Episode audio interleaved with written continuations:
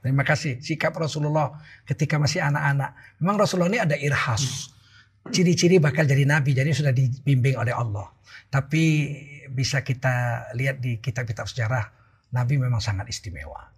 Nabi itu ketika umur 6 tahun dikembalikan oleh Ibunda Halimatus Sa'diyah dan Abu Zaid, bapak susu dan ibu susu Nabi dari pegunungan Bini Sa'ad ke Mekah kepada ibu Nabi.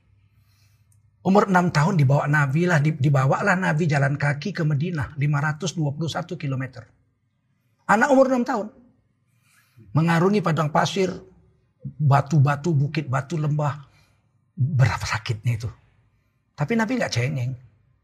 Sudah dibawa jalan kaki sampai Madinah, dikenalkan kepada keluarga. Kita lihat nih bagaimana seorang pendidikan seorang anak. Umur 7 tahun kata Nabi perintah sholat. Tapi umur 6 tahun Nabi dibawa kenal saudara. Ibu Nabi itu Bani Najjar, orang Madinah, bukan orang Mekah. Maka Nabi kenalkan ini pamanmu, ini bibimu, ini sepupumu, ini saudara sewalimu. Dikenalkan. Umur 6 tahun. Kemudian pulang. Dalam perjalanan pulang kurang lebih 150 km dari kota Madinah di Abwa namanya. Sebuah desa namanya Abwa. Di situ ibu Nabi wafat. Bayangkan Nabi pulang sendirian dalam keadaan yatim piatu, nggak ada ayah, nggak ada ibu. Diterima oleh kakeknya Abdul Muthalib. Dipelihara dengan anu, namanya lah seorang kakek. Kalau ada orang mengatakan kakek nggak mengurus cucunya, ini bodoh nggak tahu psikologi.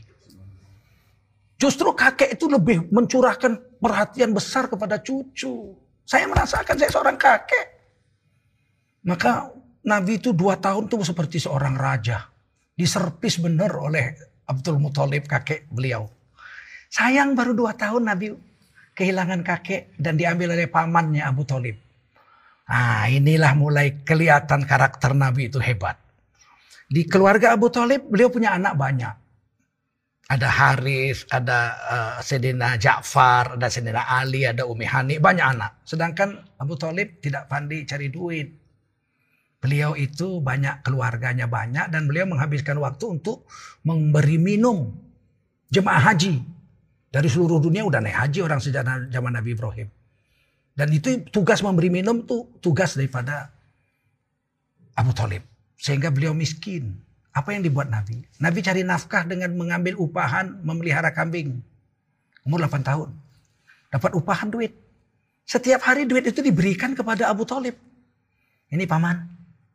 Abu Talib membeli makanan, beli tepung, bikin roti. Itu yang nomor satu dikasih makan Rasulullah. Karena Rasulullah yang mencari duit. Nah, dikasih makan ini ya Nabi dikasihlah gitu. Wahai Muhammad itu anakku. Apa yang Nabi bilang? Saya belakangan aja makan paman. Biarkan adik-adik makan duluan. Ah, dari sinilah nanti timbul sunnah Nabi. Orang yang memasak dan menyediakan makanan itu disunahkan makan belakangan. Orang yang dijamu itu makan duluan. Nah, jadi begitu. Ya, makanya perempuan-perempuan yang memasak makanan, masaknya sampai satu jam. Keroyokan lima orang perempuan masak satu jam, makanan udah terhidang. Yang makan para lelaki datang, laki-laki makan sak puas-puasnya. Perempuan cuma ngintip. Kadang-kadang dihabisin bener-bener. Yang masak perempuan lima itu begitu diangkat makanannya, nggak ada sisa. Yang lima itu bilang apa? Alhamdulillah makanan kita habis semua. Berarti makanan kita lezat. Mereka nggak makan yang lima orang ini, tapi bangga, bahagia. Itulah orang yang berkhidmat itu, dia belakangan. Jadi kadang-kadang Nabi itu kalau kita ceritanya, setelah anak-anak Sayyidina, uh, anak-anak Abu Talib makan, itu kadang-kadang Nabi kan kebagian keraknya lah kalau orang kita bilang. Kebagian sisa-sisanya, tapi Nabi bahagia. Oleh karena itu, kita ini kalau mau belajar sikap-sikap Nabi terhadap keluarga, lihat bagaimana Nabi terhadap pamannya. Abu Talib dan adik-adik Panggil Nabi ya Ami.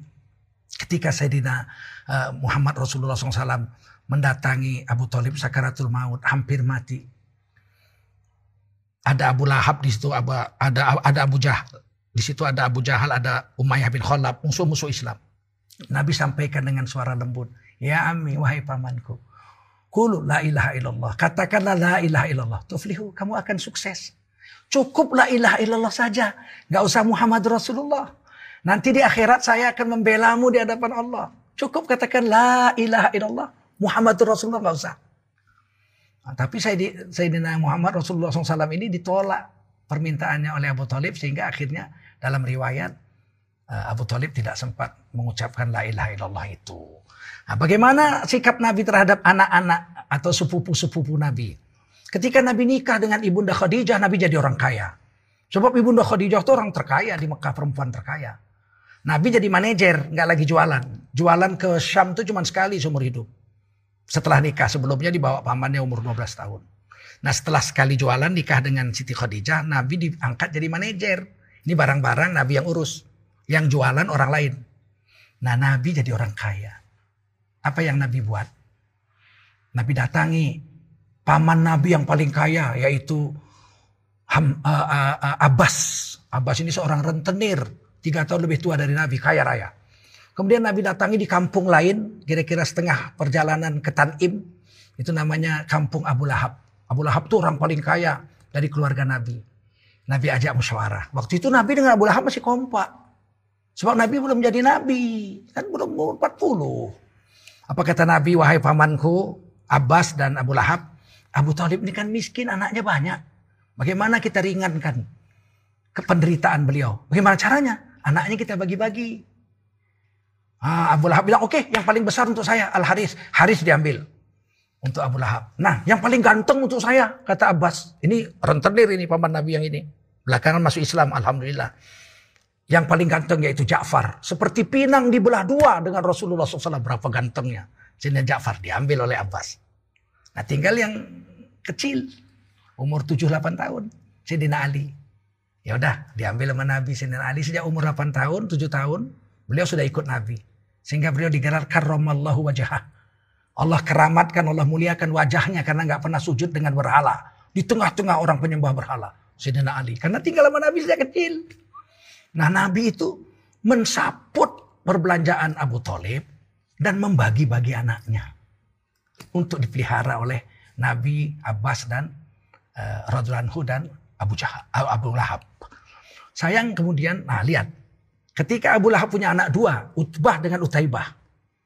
Nabi menikahkan dua anak Nabi, Ruqayyah dengan Umi Kulsum, kepada anak Abu Lahab. Ruqayyah kawin dengan Utbah, Umi Kulsum dikawinkan dengan Utaibah. Jadi Nabi dengan Abu Lahab itu selain paman, besanan. Cintanya Nabi dengan keluarga. Tapi kemudian ketika Nabi jadi Nabi, Abu Lahab nggak mau masuk Islam, turun ayat Tabat tiada Abi Lahabi watab. Ini karena Nabi mau dilempar batu sama Abu Lahab. Ketika Nabi dakwah terang-terangan dipanggil semua Bani Quraisy, Bani Adi, Bani Abdul Manab termasuk Abu Lahab dari jauh. Dia datang dari jauh. Setengah jalan ke Tanim. Dia datang tiba-tiba. Ayuhan nas, kulu la ilaha illallah tuflihun. Ucapkan la ilaha illallah hai manusia kamu akan sukses dunia akhirat. Diambil batu. Tabat yadak celaka kamu tanganmu celaka. Untuk ini kau kumpulkan kami. Saat itu Allah turunkan balasan. Tabat yada abi lahabi watab. Bukan tangan Nabi yang celaka. Tapi tangan Abu Lahab. Setelah ayat ini sampai ke telinga Abu Lahab. Ibu daripada Utbah dengan Utaibah. Istri Abu Lahab namanya Umi Jamil. Beliau mengatakan. Ceraikan kedua-dua anak Muhammad Rasulullah ini. Aku tidak sudi melihat wajahnya lagi. Maka jadi jandalah Dua anak Nabi dalam usia muda, yaitu Ruqayyah dengan Umi Kulsum dan Utbah dengan Utaibah akhirnya mati diterkam singa dalam perjalanan dagang ke Syam. Begini akhlak Nabi kepada keluarga. Bahkan kepada ibu susu. Satu hari terjadi paceklik di pegunungan, pegunungan Bani Sa'ad. Datanglah ibunda ke Madinah Ibunda Halimah Tusadiyah mundar mandir di depan kemah Nabi. Segen mau masuk nanti ditolak. Sebab sejak umur 6 tahun sudah berpisah. Sedangkan Nabi sudah jadi Nabi orang besar di Medina. Datang lewat-lewat dilihat Nabi. Ih itu seperti ibu saya. Nabi bangun, Nabi buka serban. Nabi bentangkan di atas pasir di dalam rumah Nabi. Kemudian Nabi berdiri menyusul ibunda. Dilihat ternyata benar ibunda Halimah. Kata Nabi, ibunda, mari masuk ke rumah saya. Ada yang bisa saya bantu.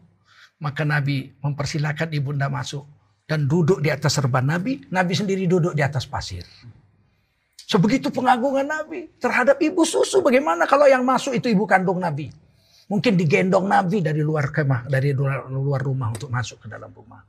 Sebegitulah yang dicontohkan Nabi sehingga kita disuruh mengikuti bagaimana perilaku Nabi terhadap keluarga-keluarga Rasulullah Sallallahu Alaihi Wasallam.